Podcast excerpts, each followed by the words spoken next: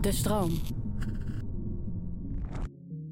Misschien herken je dat gevoel dat er eigenlijk altijd wel iets te doen is. Dat je iets moet, iets kan, iets wil. Het brengt natuurlijk ook heel veel stress met zich mee. En hoe ga je daar nou goed mee om? Een van de prachtige dingen die je kan doen is iets wat je eigenlijk altijd al doet: ademen. Maar als je dat op de juiste manier doet, is het een fantastische tool om je stress te managen. Wat is een mens zonder houvast in zijn manier van leven? En ieder heeft een handvat en eigen rituelen. Orde in je hoofd zodat alles te overzien is. We praten over routines. Iedereen ervaart wel eens stress in haar of zijn leven en iedereen gaat daar op een eigen manier mee om. Een van de beste methodes om met stress om te gaan is eigenlijk gewoon met je ademhaling. Maar dan moet je natuurlijk wel de juiste technieken hebben. En heb je de juiste technieken, dan kan je niet alleen je stress managen, maar ook allerlei andere gevoelens en emoties aanwakkeren of afremmen. Iemand die daar alles vanaf weet is Ruben Spapens van Lekker Ademen. Ja, zo is het. Vriend ook, dus leuk dat je er bent. Ja, dankjewel. Um, laten we beginnen met, met, met stress, het fenomeen. Want het is niet alleen maar slecht. Nee, zeker niet. We hebben ja, stress heeft een slecht of negatieve naam, zou je kunnen zeggen. Nou en of. Maar we hebben het uh, behoorlijk hard nodig. Sterker nog, zonder stress gaan we hartstikke dood, zeg ik altijd. Want? Ja, als we niks doen, het bekende voorbeeld sport. Dat is, als we stoppen met sporten, worden we minder fit. Dat weten we allemaal. Maar zo, als we geen uitdagingen hebben in ons leven, dan groeien we op geen enkel gebied. Dus we hebben stressoren nodig om een prikkel te geven, om vervolgens sterker, weerbaarder, of dat nou emotioneel, mentaal of fysiek is. Maar haal je die prikkel weg, ja, dan begint gewoon ja, de aftakeling. De aftakeling uh, in gang te dat opzicht stress, want, want bij sport, als we dat voorbeeld eens even afpellen, van wat, wat is dan stress bij sport? Nou, stress is dus uh, dat je lichaam in actie moet komen. En daarbij gebeuren allerlei fysieke dingen. Die kennen we als we dan de adem erbij pakken. Die wordt harder, sneller, hoger vaak ook. Uh, maar niet alleen, ja, precies. Het hele lichaam gaat dus hard werken. En dat harde werken, dat zou je dus stress kunnen noemen. Om de situatie die jij op dat moment ja, beleeft, in dit geval een training, om die tot een goed eind te brengen. En daarvoor moeten we energie vrijmaken. Daarvoor moet die spierspanning omhoog. Daarvoor moet die ademhaling versnellen, want we hebben veel meer zuurstof nodig om voldoende energie te produceren. Dus dat zou je dan de stress kunnen noemen. Dus een beetje zoals vroeger uh, van we moeten vechten of we moeten ergens op jagen of wegrennen voor een sabeltandtijger. Ja, exact. Stress nodig om te overleven. Precies, om iets wat uitdagend is. En dat kan inderdaad iets extreems zijn, zoals ze dan vaak de beren en de leeuwen erbij halen om die situatie tot een goed einde te brengen. Maar dat kan ook zijn omdat je nou, geen eten had. Je moest zorgen dat je weer voedsel ging verzamelen of ging jagen. Of je had het super warm of super koud. Dan moest je zorgen dat je het weer ja, een koele plek of juist een wat warmere plek voor jezelf kon regelen. En dan had je dus energie nodig en al die fysieke dingen die ja, dat in gang trekken. Dus een verhoogde ademhaling, meer bloed naar de spieren zodat je in actie kon komen. Meer focus op een bepaalde manier, zodat je snelle beslissingen kon nemen. In plaats van alles heel erg overdenken. Dan blijf je op je stoel zitten en ga je alle opties afwegen. Dat zijn uh, eigenlijk alle dingen die gebeuren als we ja, stress ervaren. En dan kan je in die tijd van de evolutie kan je ook voorstellen dat er ook veel meer natuurlijke rust was. Uh, langer slapen waarschijnlijk. Uh, bij ons is er voortdurend stress. Hè? Veel mensen verkeren gewoon eigenlijk bijna permanent in, in een stressgevoel. nou, dat is het grootste verschil als we dan inderdaad nu afzetten tegen langer geleden. Wat dan ook langer geleden mag zijn. Maar is dat we nu met name te maken hebben met stressoren die niet zo'n duidelijk begin hebben. En ook niet zo'n duidelijk einde. Dus een heel mooi voorbeeld is een e-mailbox. ja, die vult zichzelf in hetzelfde tempo als dat jij hem leegt, als je mazzel hebt. Oh, maar hij blijft met je meegaan, net zoals alle andere stimulussen daarmee te maken hebben in het leven. Er zijn er gewoon constante stromen van informatie, waar we eigenlijk, dus terug in de tijd, heel goed om konden gaan met stressoren die een goed begin hebben. Dus een duidelijk begin. Ik heb geen eten en een duidelijk einde. Ik heb eten gevonden. En er is weer een einde aangekomen. Dan komt mijn lichaam ook mooi schakelen weer naar de andere kant van dat zenuwstelsel. Dat zijn die uh, sympathicus en para, parasympathicus, hè? Ja. Wat is, hoe zit dat precies? Nou, we hebben eigenlijk dus één kant, die, zou, die noemen we nu tegenwoordig uh, de fight and flight. Dat is je sympathische kant van het autonome zenuwstelsel. En die reguleert eigenlijk alles om stress tot een goed einde te brengen. Zo zou je het kunnen zien. En we hebben die parasympathicus. En die is voor rust en ontspanning. Dus rest and digest, het verteren, het vertragen, het ontspannen, het verteren van je voedsel, het goed kunnen slapen. Maar ook het goed kunnen verbinden met de mensen om ons heen. Wat natuurlijk ook een van de dingen is waarmee wij echt goed kunnen herstellen. Dat herken jij hopelijk ook. Maar Ja, ja. als we echt heel druk zijn, dan vinden we het heel moeilijk om, ons, om onze aandacht echt bij een gesprek te houden. Dan gaat het al snel, Ja, gaat het dwalen. ja, dus als je, als je minder gestrest bent, sta je daar ook veel meer open voor. Even los van karakter. Sommige mensen zijn gewoon verlegen natuurlijk. Exact, exact. Ja, maar dan sta je daar zeer, zeer- ja, veel meer voor open. En niet alleen het contact met de ander, maar ook met jezelf. Want als we dan ook weer gaan kijken naar een stressvolle situatie. Stel, je wordt dus wel achterna gezeten door iemand en jij verrekt je hamstring. En dan is het eigenlijk wel lekker dat je toch nog door kunt rennen.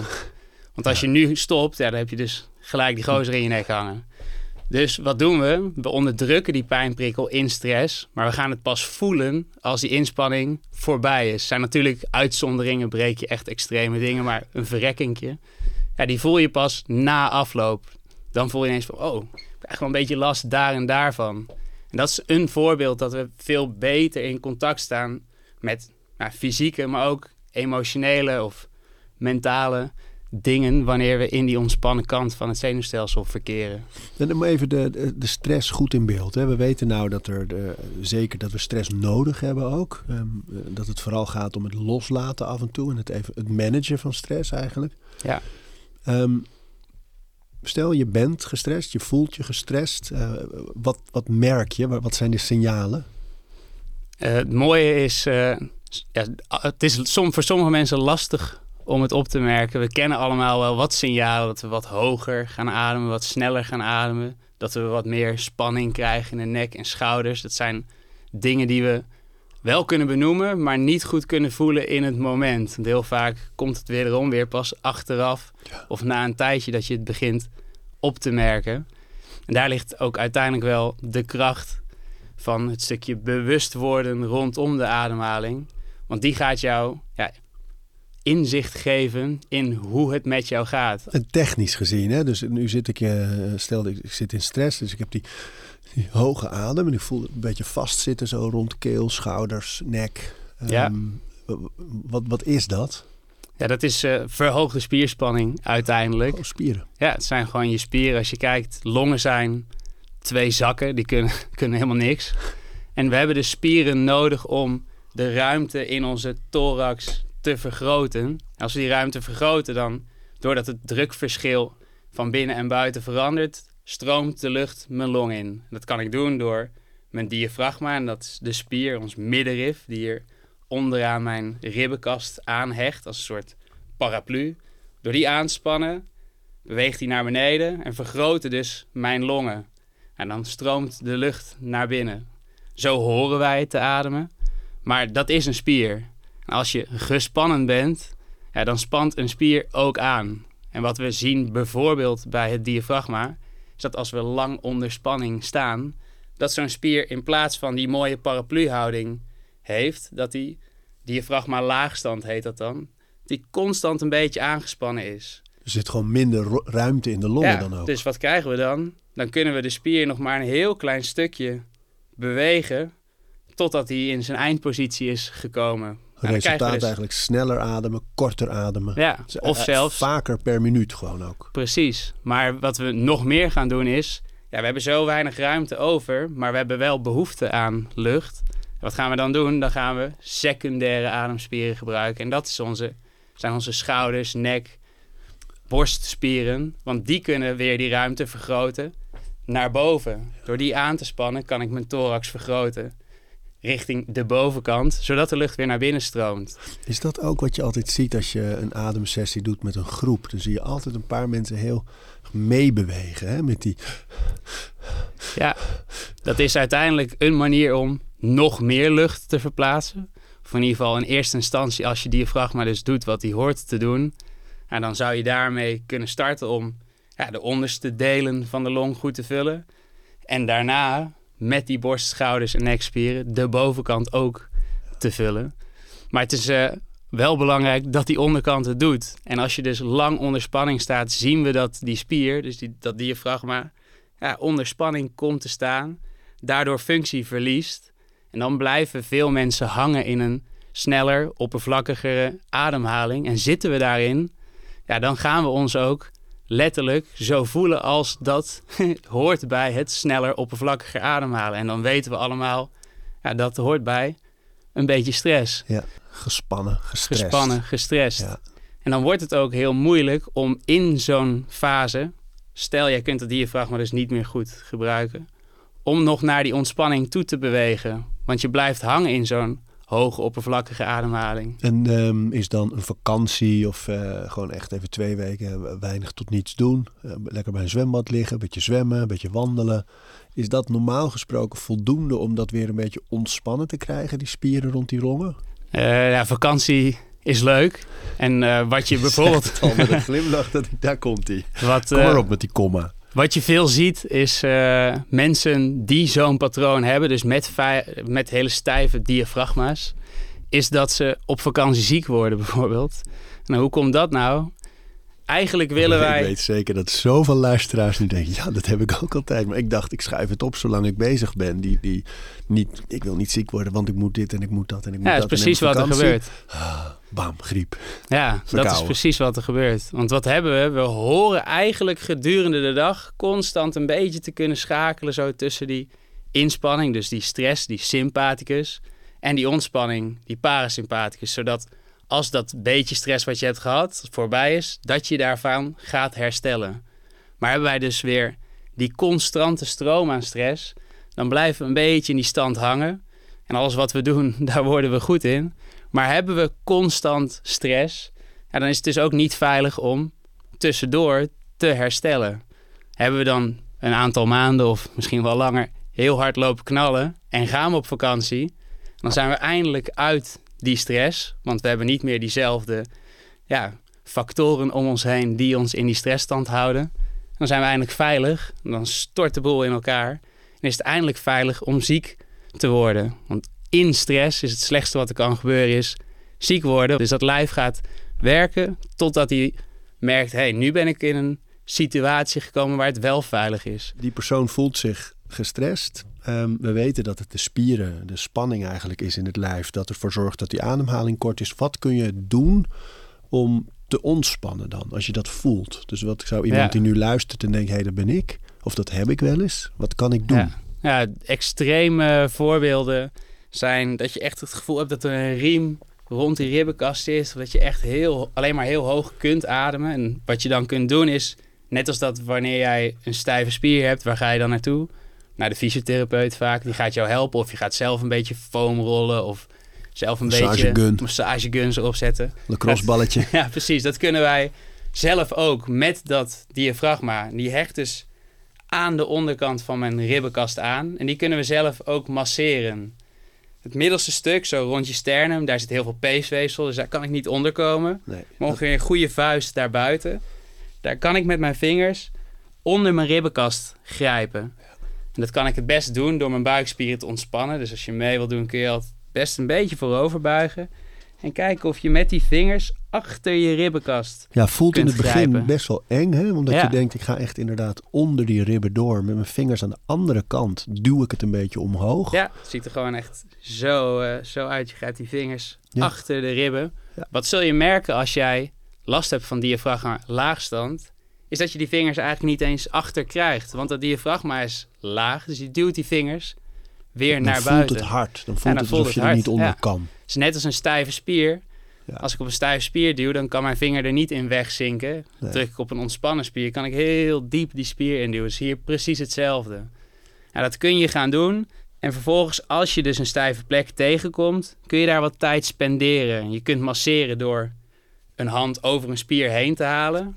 Maar je kunt ook een punt vasthouden en de spier daaronder bewegen. Ah. Of zelfs alleen maar vasthouden op trigger points.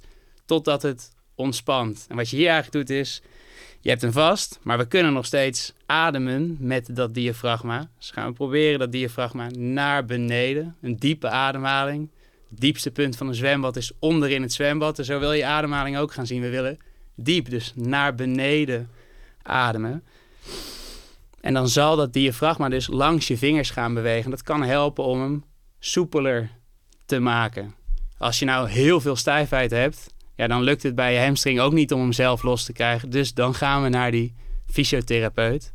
En in dit geval zijn osteopaten best wel goed bedreven in het losmaken van diafragma's. In de fysioopleiding wordt het niet uh, zo breed gedaan als uh, bij de osteopaat. Dus merk je nou, hey, ik zit super vast. Ja, nodig je ook vooral uit om een keer zo iemand op te gaan zoeken. Om te kijken of ze je kunnen helpen om het wat losser te maken. Ik denk bij dit soort dingen ook altijd van er zijn twee dingen. Je hebt het technische deel van hoe maak je het los, wat kun je allemaal doen. En er is de bron, de Ja. bron van de stress. Van het is natuurlijk belangrijk om die ook voor ogen te houden. Precies. Van, dat je daarmee aan de slag gaat in plaats van elke keer alleen maar de symptomen. 100%. En dat is ook, ademhaling is een super mooie tool om te reguleren. Eh, maar je wil ook altijd wel gaan kijken, waar komt nou mijn stress vandaan? Maar ook daar is de ademhaling een hele mooie tool in. Want als we dan eh, een stapje maken naar dat reguleren, Ja. eh, hoe jij ademt, dat bepaalt letterlijk hoe jij je voelt. En hoe ik mij voel bepaalt ook weer hoe ik adem. Als wij hier een tijdje gaan zitten hyperventileren, ja, dan ga jij voelen dat je hartslag omhoog gaat, dat je spierspanning omhoog gaat. Ja, dan ga je, dan ga je aanstaan, dan ga je die stresskant, die sympathicus op. Maar gaan wij hier een minuutje lang heel traag uitademen, dan zul je merken, het speeksel loopt in mijn mond, mijn hartslag begint te dalen, mijn spierspanning daalt. Dus ik zag weg in die stoel. Dat zijn allemaal tekenen van die parasympathicus begint zijn werk te doen. Het bloed gaat niet meer naar de spieren, maar meer naar mijn organen om te herstellen en te ontspannen. En bedoel je met ehm, een gemoedstoestand dus ook, ook meer dan stress, vrolijkheid, verdriet? Ja, alles. Dus eh, er, zijn, er is een mooie onderzoek gedaan nu. eh, we roepen al heel lang hoe je ademt, bepaalt hoe je je voelt en andersom. Maar nu is ook onderzocht.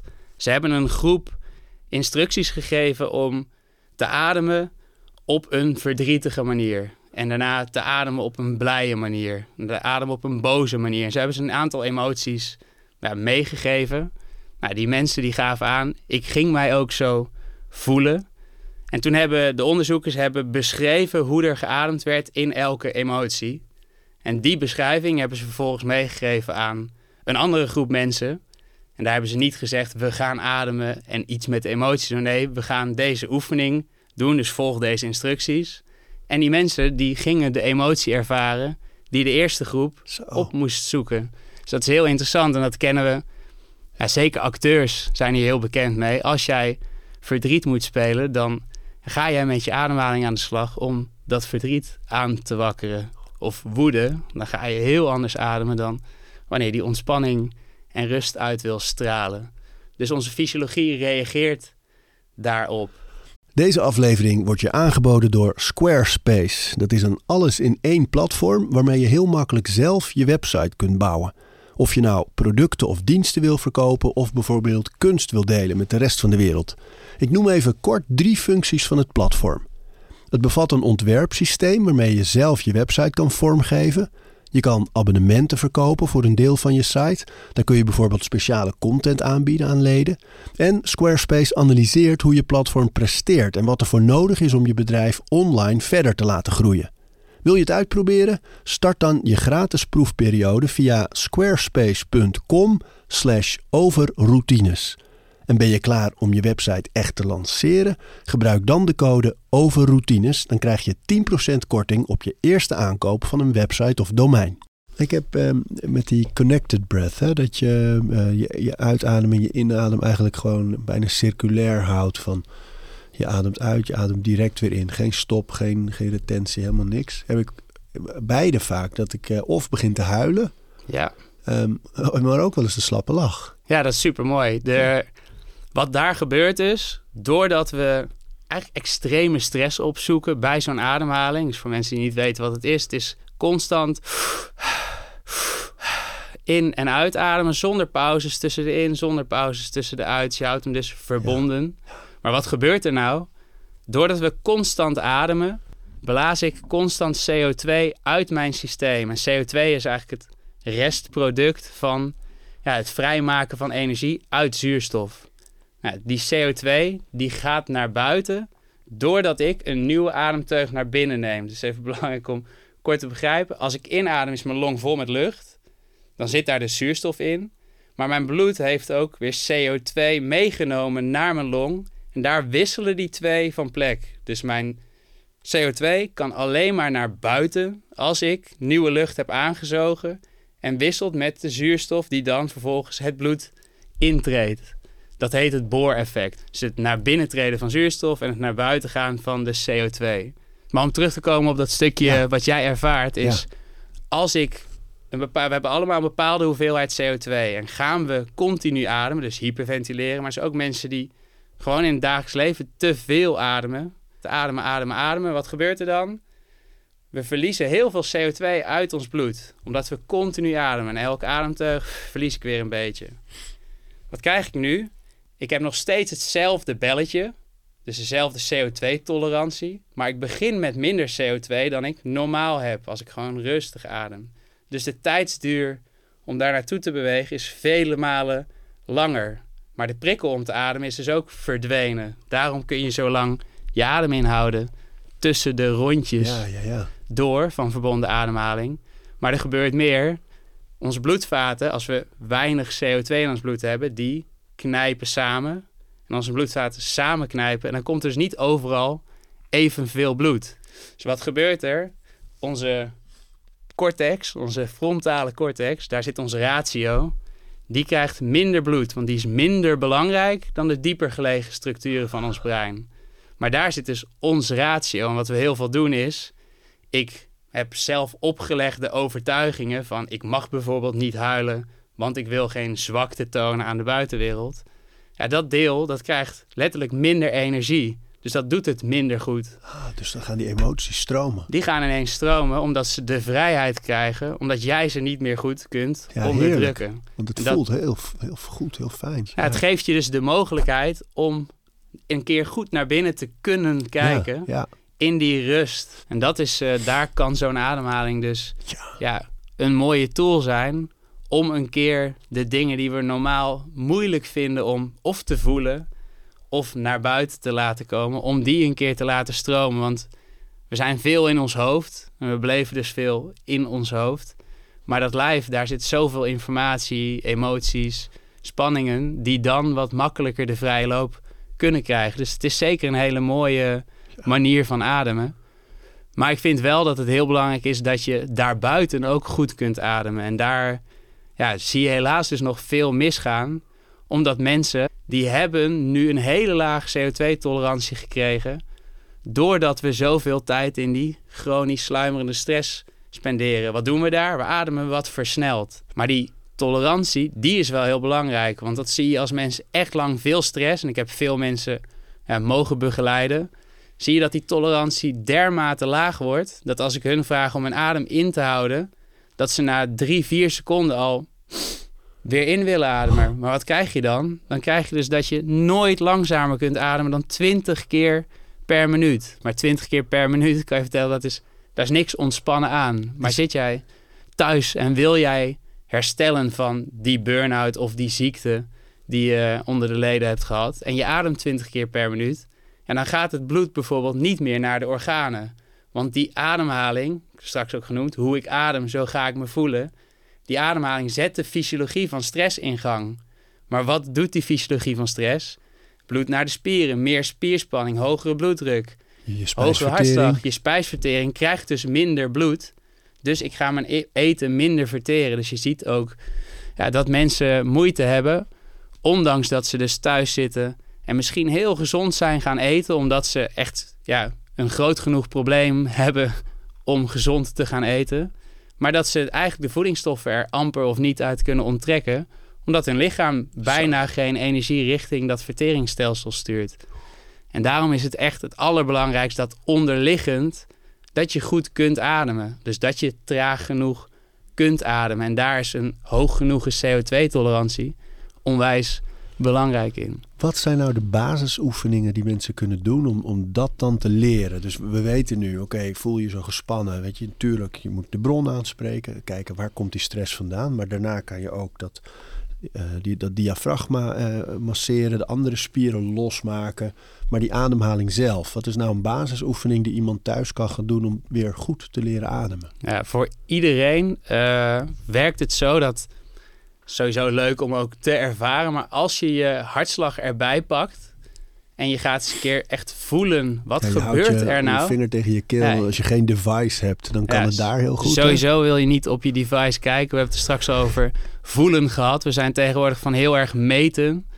Maar wat hebben we ook besproken? Wij kunnen pas goed voelen als we ontspannen zijn. Het is echt een tool waar we ja, helaas zo slecht in zijn geworden. We kunnen nog zo slecht voelen, omdat we dus zo chronisch een beetje gestrest zijn dat de luiken dichtgaan naar de verbinding met jezelf. Dus twee vingers aan de ader hier. Ja, dat is een hele mooie. je kaak. Ja, dat is een hele mooie plek. Je kunt ook aan de pols. Wat je wil is, is voelen wat er gebeurt als je een paar keer rustig in en uitademt. Dus rustig in en lekker rustig uit. En dan kun je voelen dat je ademhaling, dat het moment dat jij inademt, versnelt jouw hartslag. En op het moment dat je uitademt, vertraagt die. Dat doet hij elke keer. Dus jouw inademhaling, die is gekoppeld aan dat sympathische zenuwstelsel. Dus die stresskant. En jouw uitademhaling is gekoppeld aan je parasympathische kant van het zenuwstelsel. Dus rusten, ontspannen, verteren, herstellen. Maar daar kun je onwijs veel mee op die manier. Dus wat, eh, wat zien we bij mensen die schrikken? Dus stel, ik laat jou nu schrikken, wat doe je dan? Je ademt één keer in en meteen gaat die fysiologie alles doen wat bij stress hoort. Adrenaline, stress, Ja, waakzaamheid. spierspanning, focus. Nou, wat gebeurt er als jij wil ontspannen? Dus je bent een saai verhaal aan het luisteren. Ja, precies. één trage uit. Of een gaap is ook een voorbeeld daarvan. Dat doet al heel veel met die fysiologie. Maar dit kunnen we dus gebruiken om te reguleren. Wil jij ontspannen, dan kun je jouw ademhaling vertragen op een manier die voor jou ontspannen is. Je zult bij mensen met dus een hele lage CO2-tolerantie of hele stijve spieren, zul je merken dat ze dat helemaal niet kunnen, omdat hun voorwaarden om te ademen het niet toelaten om het effect wat die oefening kan hebben te laten gebeuren. En dan ga je dus gewoon kijken van oké, je ademt in en dan zorg je dat die uitadem in ieder geval langer is. Ja, Maakt lekker lang. traag zoals jij hem ontspannen blijft ervaren. Want als jouw CO2-tolerantie lager is, dan zul je dat dus minder lang ontspannen kunnen doen dan iemand die een hele hoge CO2-tolerantie heeft. Iemand die hele soepele spieren heeft, zal veel langer kunnen uitademen dan iemand die hele stijve spieren heeft, omdat hij minder ruimte heeft om die ademhaling te laten komen. Ik gebruik State, die eh, adem-app. Er er zitten dan vier protocollen op die je gewoon kan kiezen. Eén voor de slaap, één tegen stress, één voor alert. Nou ja, en ehm, dan, die kan je instellen. Dan meet hij dus je uitadem. Eh, dus moet je een paar keer dat doen en tel je eigenlijk mee. En dan geef je precies aan. En na elke sessie vraagt hij ook weer van... eh, waren, de, waren de tijdseenheden goed voor je? Of moeten Ja. we bijstellen? Dat is heel leuk. Dan Ja. merk je ook, als je hem consequent blijft doen... dat die uitadem ook langer wordt hè? En, en Ja. rustiger. Nou, wat je dus kunt gaan doen door eh, de ademhaling te vertragen, is dus ontspanning opzoeken. En alles wat trager is, is goed. Maar je kunt daarnaast kun je ook je tolerantie voor CO2 verhogen door af en toe even niet te ademen. En dat kun je doen door af en toe gewoon gedurende de dag je adem vast te houden. Dan wordt die CO2 dus hoger. Dan komt hij tegen dat belletje aan. Maar als je daarna weer door gaat ademen, dan neemt hij gelijk weer af. Dus wat betere methodiek is om die CO2-tolerantie te verhogen. En dus ook jouw snelheid waarmee jij ademt als je er niet over nadenkt. Want dit is gewoon dus, jouw brein heeft een programmatie.